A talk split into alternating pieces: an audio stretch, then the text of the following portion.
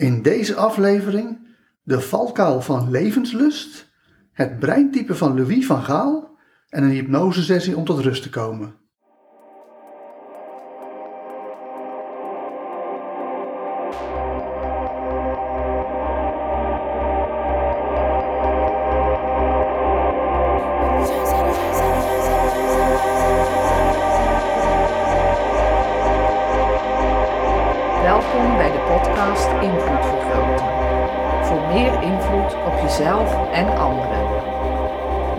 Met licensed NLP Master Trainer en door de Vrije Universiteit gecertificeerde OBM Trainer Coach Joost van der Leij.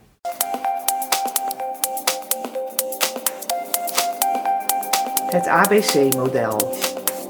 In het ABC-model staat de A voor antecedenten. Alles wat voorafgaat aan gedrag. B staat voor het Engelse behavior, dat wil zeggen het gedrag. De C staat voor consequenties, alles wat na het gedrag gebeurt. Consequenties hebben veel meer invloed op toekomstig gedrag dan antecedenten. Levenslust eh, klinkt natuurlijk geweldig. Hè? Hij zit vol levenslust. En het klinkt ook veel beter dan, eh, ja, hij is levensmoe. Eh, dus daar heb je helemaal gelijk in. Dat klopt helemaal. En toch is het zo dat levenslust ook een negatieve kant heeft en dat er een valkuil is van levenslust. Want wat voor gedragspatroon gaat er achter levenslust eh, schuil? Dat is dat mensen het gevoel hebben dat ze wel door moeten hebben dat ze leven. Dat als het leven te rustig, te kalm is, te saai is, dat ze er dan niks aan vinden. Mensen die heel veel levenslust hebben, die vinden namelijk, hey, het leven moet wel pijn doen en moet zwaar zijn. Ik stel het me altijd voor, het zijn mensen die heel veel plezier halen uit droppings. Die vinden het prachtig om in de jungle gedropt te worden en dan met een hele zware bepakking, 40 kilo bepakking, dan door de jungle te moeten trekken en alle kanten van die, van die takken in hun gezicht zwiepen en strammen krijgen. En dat er van die grote bloedzuigers dan op hun hu- huid kleven. Dat ze met een mes de bloedzuiger zo van hun eh, arm moeten afsnijden. En dat ze dan zeggen, ja, hè, tuurlijk het doet pijn en het is zwaar. Maar ik heb wel door dat ik leef. En dat is een hele onhandige manier eh, om te leven. En toch eh, zijn mensen daar wel verslaafd aan. Eh, mensen die vol levenslust zitten. Waarom? Nou, dat legt weer het ABC-model volledig uit. Het A staat voor antecedenten, alles wat voorafgaat aan gedrag. B staat voor het Engelse behavior, het gedrag zelf. C staat voor positieve, of, sorry, voor consequenties. Die kunnen positief of negatief zijn. En dan blijkt dat uit heel veel onderzoek dat ons gedrag veel meer gestuurd wordt door de consequenties dan door de antecedenten. Eh, gedrag wat positieve consequenties oplevert, daar raken we verslaafd aan, gaan we het meer doen. En gedrag wat negatieve consequenties oplevert, daar stoppen we mee. En die levenslusthouding, hè, dat, eh, dat opzoeken van die pijn en die zwaarte, dat zorgt ook voor een hele korte termijn positieve consequentie, namelijk adrenaline. Dus mensen die vol levenslust zijn, zijn ook wel gewoon adrenaline junkies. En adrenaline is een eh, neurotransmitter en die werkt als een positieve consequentie. En dat zorgt ervoor dat mensen eh, als het ware verslaafd raken aan eh, gedrag wat extreem is, waarbij ze risico's nemen, gevaar opzoeken en dan allemaal onder de noemer levenslust. En het probleem met positieve consequenties op korte, termijn voor ongewenst onhandig gedrag, is dat die veel sterker werken dan de negatieve consequentie die op lange termijn komt. Want adrenaline-junkies, als die te lang doorgaan eh ermee, dan merk je dat ze op een gegeven moment eh, een fout maken, dat het te ver gaan, dat er een grote klap komt. En dan hebben ze een hele grote negatieve consequentie. En als die klap groot genoeg is, dan passen ze in de toekomst hun gedrag wel aan. Maar ja, het is natuurlijk zonde om dan een paar jaar lang eh, de verkeerde kant op te gaan met je leven, alleen maar te wachten op een eh, grote klap. Gelukkig is er ook een oplossing voor. Als mensen te veel bezig zijn met levenslust, eh, te veel denken dat het leven zwaar moet zijn en pijn moet zijn, maar dat je in ieder geval door hebt dat je leeft, dat het leven continu van de ene adrenaline spike naar de andere adrenaline spike moet zijn. En dat als er even niks aan de hand is, dat het dan te saai is. Voor die mensen is er een hele goede oplossing, namelijk extreme rust. Dat klinkt heel erg saai, extreme rust, maar levert op langere termijn een positieve consequentie op. Toch is het moeilijk om extreem rust te nemen, want op korte termijn levert het niks op. dus je kan zien dat de reden waarom mensen in zo'n valkuil trappen heel erg verklaard wordt vanuit het ABC-model, omdat uh, het ongewenste gedrag op korte termijn positieve consequenties krijgt. En de oplossing op korte termijn helemaal geen enkele positieve consequentie heeft en soms zelfs negatieve consequenties. En dan zie je dat als mensen dat op lange termijn toch blijven doen, dat er dan zo'n grote klap komt en dan willen ze wel hun leven wijzigen. Maar het is natuurlijk veel beter om je eigen brein op een goede manier eh, te runnen als het ware. Dat je zelf in staat bent om te snappen hoe eh, ons brein gestuurd wordt door consequenties. En dat je dan toch ontdekt van hé, hey, wat is voor mij het meest gewenste gedrag? En hoe kan ik ervoor zorgen dat het toch op korte en lange termijn beloond wordt? En ja, mocht je een probleem hebben met levenslust, uh, ga dan voor extreme rust.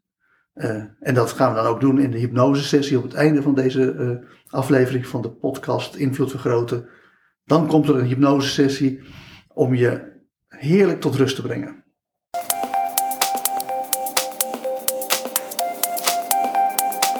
Het breintype van een beroemd persoon. Net zoals er lichaamstypen zijn, heeft iedereen ook een van de negen breintypen. Je breintype bepaalt voor een flink deel je gedrag. Het breintype van uh, Louis van Gaal. Nou, je zou denken alweer een voetballer, in dit geval zelfs een voetbalcoach. En dat klopt. Uh, het punt is, ik werk veel in de voetbalwereld, de, voor voetbalclubs. En zo werk ik op het ogenblik in Nederland voor FC Twente. En dat betekent dat het voor mij heel makkelijk is om breintypes te herkennen bij voetballers en voetbaltrainers. En bovendien is het ook echt heel erg belangrijk in de voetbalwereld. Want je ziet dat de interactie tussen voetballer en voetbaltrainer eh, voor een deel bepaald wordt wat voor soort breintypes ze hebben. En je kan zelf zien dat de stijl van het team en de stijl van de club en hoe de club gerund wordt heel erg afhangt van wat voor soort breintype de trainer heeft. Dus vandaar dat het binnen de voetbalwereld uh, erg omarmd wordt en er steeds meer partijen gebruik gaan maken van breintypes. In het geval van uh, Louis van Gaal heeft hij breintype 8, de baas. Nou ja, als, eh, ligt er ook huizenhoog dicht bovenop. Als je mij hoort zeggen, nou, Louis van Gaal heeft type 8 uh, eh, brein, dan zeg je, de baas, dan zeg je, ja, hè, dat had ik ook kunnen vertellen. En dat klopt. Maar toch, toch is het belangrijk om te zien dat bij type 8 de bazen je ze nooit herkent aan hun uiterlijk, maar puur aan hun gedrag. Alleen, wij geven direct toe, dat gedrag is vaak zo extreem en zo uh, bazig en zo confronterend en zo uh, conflictzoekend, dat uh, je ze heel makkelijk herkent. in het algemeen geldt dat twee van de drie mensen, wanneer je het hele breintype theorie kent, mocht je dat nog niet kennen, ga naar neurogram.nl. Daar kun je dan een gratis e-book erover downloaden op neurogram.nl. maar wanneer je dat hele theorie kent, dan weet je, bij twee van de drie mensen is het uh, gewoon heel makkelijk te herkennen. Ligt het uh, er huizenhoog dicht bovenop. En dan heb je binnen de kortste keren door welk breintype iemand heeft. Alleen bij één op de drie mensen ligt het heel subtiel. En dan ook, moet ik ook nog steeds, na al die jaren, ik doe dit al sinds 1997, dus dit is het 24ste jaar dat ik het doe. Maar dan heb ik nog steeds dat ik daar echt tijd mee bezig ben om uit te zoeken wat het is. Gisteren nog uh, een jonge vrouw gecoacht en die uh, had het, was echt een van die subtiele mensen, waarbij het heel subtiel lag van ja, had ze nou een type 9 bemiddelaarsbrein of een type 4 romanticusbrein. Ze scoorde heel hoog op romanticus en toch zijn we uiteindelijk uitgekomen op type 9 bemiddelaarsbrein. Maar in het geval van Louis van Gaal is het heel duidelijk, type 8 de baas. Je moet er wel rekening mee houden dat de namen van de types misleidend zijn. Dat doen we bewust om mensen te helpen bij zichzelf te ontdekken. Want de baas is niet echt een baas. De baas is vooral iemand die problemen heeft met autoriteit en gezagsstructuren. En dat zie je natuurlijk ook direct terug in het gedrag van Louis van Gaal. Die, uh, ja, op het moment dat je iemand boven hem zet, dan uh, gaat hij stijgen, dan gaat hij moeilijk doen. En dus de manier waarop Louis van Gaal direct herkent, is dat het hele lompige, boertige gedrag. Zo van, hey, pay attention to the manager. En onverschrikkelijk eigenwijs het is. Het is uh, type 8 bazen zijn enorm eigenwijs. Ze hebben echt het idee, iedereen heeft zijn eigen waarheid, maar mijn waarheid is de echte, echte, echte waarheid. En dat betekent dat bij Louis van Gaal hij absoluut een uh, plaat voor zijn hoofd heeft. En nou is dat uh, bij trainers wel meer zo. Ooit eh, was ik met de KNVB aan het overleggen over eh, die breintypes. En toen zeiden ze van ja, dan moeten we ook gaan toepassen op trainers. En toen zei ik nou, met trainers is het altijd lastig, want die zijn te eigenwijs. Maar ik zei dat eh, tegen een andere trainer van de KNVB. En die zei meteen, oh, oh, zijn helemaal niet te eigenwijs, we zijn gewoon eigenwijs. Maar bij Louis van Gaal zie je duidelijk dat hij echt super eigenwijs is. helemaal zijn eigen plan gaat, my way or the highway. En bovendien zie je ook dat ook het typische gedrag van type achterbaas heel agressief zijn en dominant willen zijn. op het moment dat uh, uh, hij weer de pers moet omgaan, en dan is het meestal slim, omdat ja, journalisten schrijven toch wat ze willen, om dat wat gemakkelijk, soepel te doen. Maar niet Louis van Gaal, die gaat er met een gestrekt been in en die begint hele gevechten met de pers. En dat heeft ook mee te maken dat brein type 8, de baas, als hoofdvalkuil, we noemen dat de hoofdzonde, dus die levenslust heeft. En dat ze ook echt op zoek zijn naar dat sensatie, die spanning en dat conflict, omdat ze denken van ja, het moet wel zwaar en pijn zijn het leven. dus ook bij persconferenties, als het te makkelijk gaat, als het dan van een leien dakje loopt, te saai is, dan heeft een type achterbaas, zoals Louis van Gaal, sterk de neiging om de knuppel in het hoendrok te gooien. Iets uh, provocerends te zeggen, om te kijken of hij een klein beetje reuring in de tent kan krijgen. En Ten slotte, wat ook heel erg belangrijk is bij type achterbazen, is dat ze opkomen voor de underdog. ze zijn, doen wel heel hard, ze willen ook gevecht aan, maar ze willen wel echt vechten met degene die uh, ook sterk zijn. En als ze zien dat, dat underdogs uh, ergens uh, gediscrimineerd worden of er niet aan bod komen, dan treden ze op. Dus bij Louis van Gaal kan je heel goed zien dat hij heel vaak beschuldigd werd als zijnde dat hij jonge spelers wilde laten debuteren om alleen maar dan de naam te hebben van hij is gedebuteerd onder Louis van Gaal. Maar ik denk dat er iets heel anders achter zit. Ik denk juist dat hij de jonge spelers eh, opbouwde en een kans gaf en opstelde in het team. Juist om op te komen voor de underdog. Om juist de rest van het team te laten zien van nou, jullie zetten die jonge kereltjes uh, weg alsof ze nog jonge broekjes zijn. Maar ik ga je laten zien dat ze al echt er helemaal bij horen. Om op te komen voor de underdog. En dus al die redenen, nou ja, zijn gedrag, hè, zodra je hoort type achterbaas, dan denk je ja, hè, verhaal. Uh, maar ook uh, hoe hij met de spelers omgaat en hoe eigenwijs hij is. Om al die redenen is het extreem waarschijnlijk dat Louis van Gaal een type 8 uh, eh, de baasbrein heeft.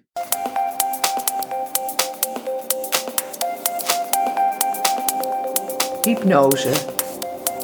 Met hypnose programmeer je rechtstreeks je onbewuste waardoor je meer invloed hebt op jezelf. Dan gaan we nu een hypnosesessie doen om tot rust te komen.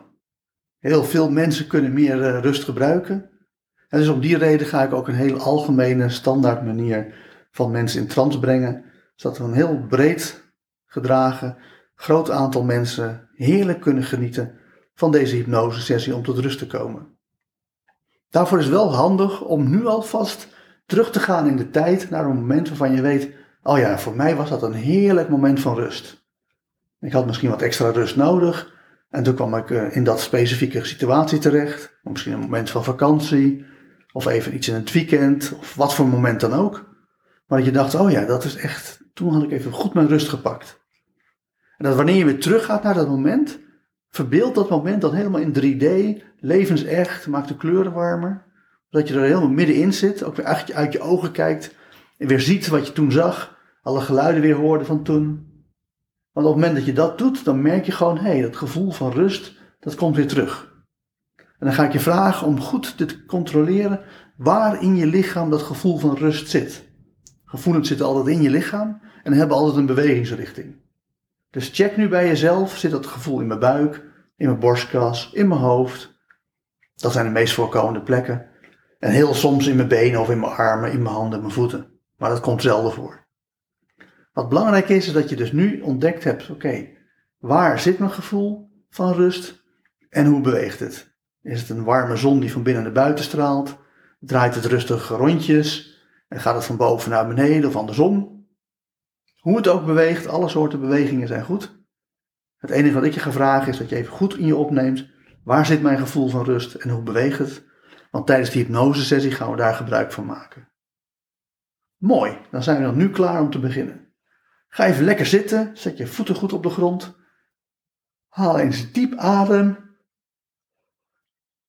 In door je mond, uit door je neus en ontspan diep Sluit je ogen en luister naar mijn stem, zodat mijn stem met je meegaat om jou naar die mooie moment van rust te brengen. Maar voordat we naar rust gaan, gaan we eerst naar ontspanning. En misschien is dat voor jou hetzelfde, maar voor de meeste mensen geldt dat als je een ander woord gebruikt, ontspanning, dat ze ook andere momenten naar boven komen. Dus als er nu een ander moment van ontspanning naar boven komt, beleef dat weer helemaal opnieuw in 3D, zodat je er helemaal in zit, er uit je ogen kijkt. En dan heerlijk merkt dat je steeds meer en meer dat gevoel van ontspanning terugkrijgt wanneer je dat moment van ontspanning weer helemaal herbeleeft. Voel waar die ontspanning zit. Zit het in je buik? Zit het in je borstkas? Is het een warme deken die over je heen komt? Of is het een ronddraaiend gevoel? Of wat voor gevoel dan ook? En hoe meer je de focus verlegt naar het gevoel van ontspanning, hoe meer je merkt dat je diep ontspant. Dus merk dat je diep ontspant en ontspan dieper en dieper naarmate je het meer merkt en merkt. En dan terwijl we zo bezig zijn, is het ook goed om je gedachten gewoon lekker te laten gaan. Mensen maken zich altijd druk over het feit dat ze denken dat ze nog aan het denken zijn tijdens de hypnose. Dat is nergens voor nodig. De meeste mensen houden hun gedachten gewoon nog tijdens een hypnosesessie. Het is alleen in geval van 5% dat mensen in zo'n type slaaptrans komen dat ook hun gedachten verdwijnen. Maar het is voor de hypnose nergens voor nodig. Wanneer je gedachten hebt, het enige wat je gaat vragen is: breng je gedachten tot rust. Laat ze gewoon lekker gaan, laat ze van je afglijden en zorg dat ze steeds langzamer en zachter gaan, zodat jouw gedachten gewoon heerlijk wegdrijven in een gevoel van ontspanning en diepe rust. En terwijl dat zo bezig is, wat je dan gaat doen met het bewuste deel van jou, is dit blijven herhalen. Momenten van ontspanning herbeleven in 3D, dat je er heel middenin zit. Voelen waar die ontspanning zit en hoe die beweegt. En je gedachten laten gaan. En dan ga ik ondertussen met het onbewuste deel van jou aan de slag om je dieper en dieper in een hypnotische trance te brengen. Door heel eenvoudig af te tellen van 5 tot 1. Want bij 5 merk je dat je dieper ontspant, dus ontspan dieper. En bij 4 merk je dat je steeds makkelijker, steeds dieper, steeds verder in die ontspanning gaat, in die diepe rust komt, zodat je werkelijk kan genieten van wat het betekent om helemaal ontspannen te zijn. En dan komt 3 voorbij en je merkt, oké, ik kan nog verder gaan. Het lijkt wel alsof ik een soort roltrap afga of een soort eh, trap naar beneden ga. Of misschien zelfs een soort valluik, dat ik in één keer een heel stuk dieper ga. Steeds dieper de hypnotische trance in, trance dieper in hypnose. En twee, je merkt dat je nog dieper in trance komt, dat de hypnose meer en meer van je lichaam helemaal in trance brengt. Dat je die ontspanning steeds verder en sterker en krachtiger voelt in steeds meer plekken van je lichaam. En dat je steeds meer en meer tot rust komt. En één, je merkt dat je helemaal in die hypnotische trance zit, dat je tot rust gekomen bent en diep ontspannen bent. En wat je dan vervolgens doet, is gebruik maken van wat we net geoefend hebben, namelijk herinneren waar zit dat gevoel van ontspanning voor mij. Eventueel stel je dat moment weer voor in 3D, dat je er weer helemaal in zit. Maak je de kleuren warmer, zorg dat je uit je ogen kijkt, alles weer ziet wat je toen zag en alle geluiden weer hoort die je toen hoorde. Maar je kan ook gewoon direct naar dat gevoel teruggaan van waar zat mijn gevoel van rust? Zodat je dat gevoel van rust pakt en weer weet, oké, mijn gevoel zit of in mijn buik, of in mijn borstkas, in mijn hoofd, in mijn armen, benen, waar dan ook. En je merkt weer dat die beweging van rust weer helemaal over je heen komt. Zodat je steeds dieper en dieper in het gevoel van rust gaat. En ook merkt dat je lichaam uitgerust begint te raken. En dat je geest uitgerust begint te raken. Zodat je zo meteen, wanneer je weer wakker wordt, opeens op onverklaarbare wijze heel veel meer energie hebt gekregen. Dat wanneer je nu in deze hypnotische rust, of in de hypnotische trance, je rust pakt, dus pak die rust, dan had je zo meteen, nadat je wakker geworden bent, merkt dat je veel meer energie hebt gekregen, dat je veel wakkerder bent, veel alerter, veel beter kan focussen, veel scherper bent, omdat je nu helemaal tot rust gekomen bent. Dus kom tot rust en merk dat terwijl je meer en meer rust krijgt, je later ook meer en meer energie gaat krijgen wanneer je weer wakker bent. En voor nu dat de ontspanning en de hypnotische trance ook steeds dieper gaat bij elk moment dat je meer en meer rust pakt. En daarvoor is het ook prettig om echt letterlijk een soort reis te maken in je hoofd naar die plek die jou veel rust geeft. Hoeft niet de plek te zijn die je aller, aller, allermeeste rust geeft, want anders ga je jezelf onnodig onrustig maken om op zoek te gaan naar die specifieke plek. Nee, in plaats daarvan pak je gewoon een moment, een plek waarvan je weet, wanneer ik daar ben, ben ik best wel heel erg rustig. Of misschien wel flink rustig, behoorlijk rustig. En wat we dan doen, is dat je gewoon voorstelt dat je naar die plek toe reist, dat je bij die plek aankomt en dat je dat doet wat die plek, wat je normaal gesproken altijd doet. Misschien ga je er wandelen, misschien ga je op een zonnebed liggen, Misschien ga je prachtige kunst bekijken. Wat het ook is, je stelt nu er gewoon helemaal voor dat je dat weer op diezelfde manier doet. Dat je op die manier weer door helemaal door dat moment en door die plek heen loopt of heen beweegt. In ieder geval doet wat je altijd daar doet. Of dat nou veel is of weinig doet. En dat je merkt naarmate je op die manier weer helemaal aan het herbeleven bent hoe jouw plek van rust en hoe jouw rustgedrag in elkaar steekt dat je dan ook weer merkt dat je meer en meer rust pakt. En dat betekent dat je zometeen weer meer en meer energie krijgt. Dus op die manier merk je dat je steeds verder en dieper de rust ingaat en het gevoel ingaat. En je onbewuste, het onbewuste deel van jou, steeds beter wordt in het herbeleven van dat moment en die locatie, die plek waar jij behoorlijk veel rust kan pakken. Zodat je op die manier er helemaal doorheen gaat. Het ervaart, het in je opneemt en integreert. En dit kan je zo vaak blijven doen wanneer je maar meer rust nodig hebt. Of wanneer je meer energie kan gebruiken. Want nu je lekker in diepe ontspanning bent en heel erg veel rust pakt, is het ook een goed moment voor je onbewuste om ervoor te zorgen dat die rust tegelijkertijd de batterij weer oplaadt. Zorg dat er de energie, de potentiële energie weer opgeladen wordt.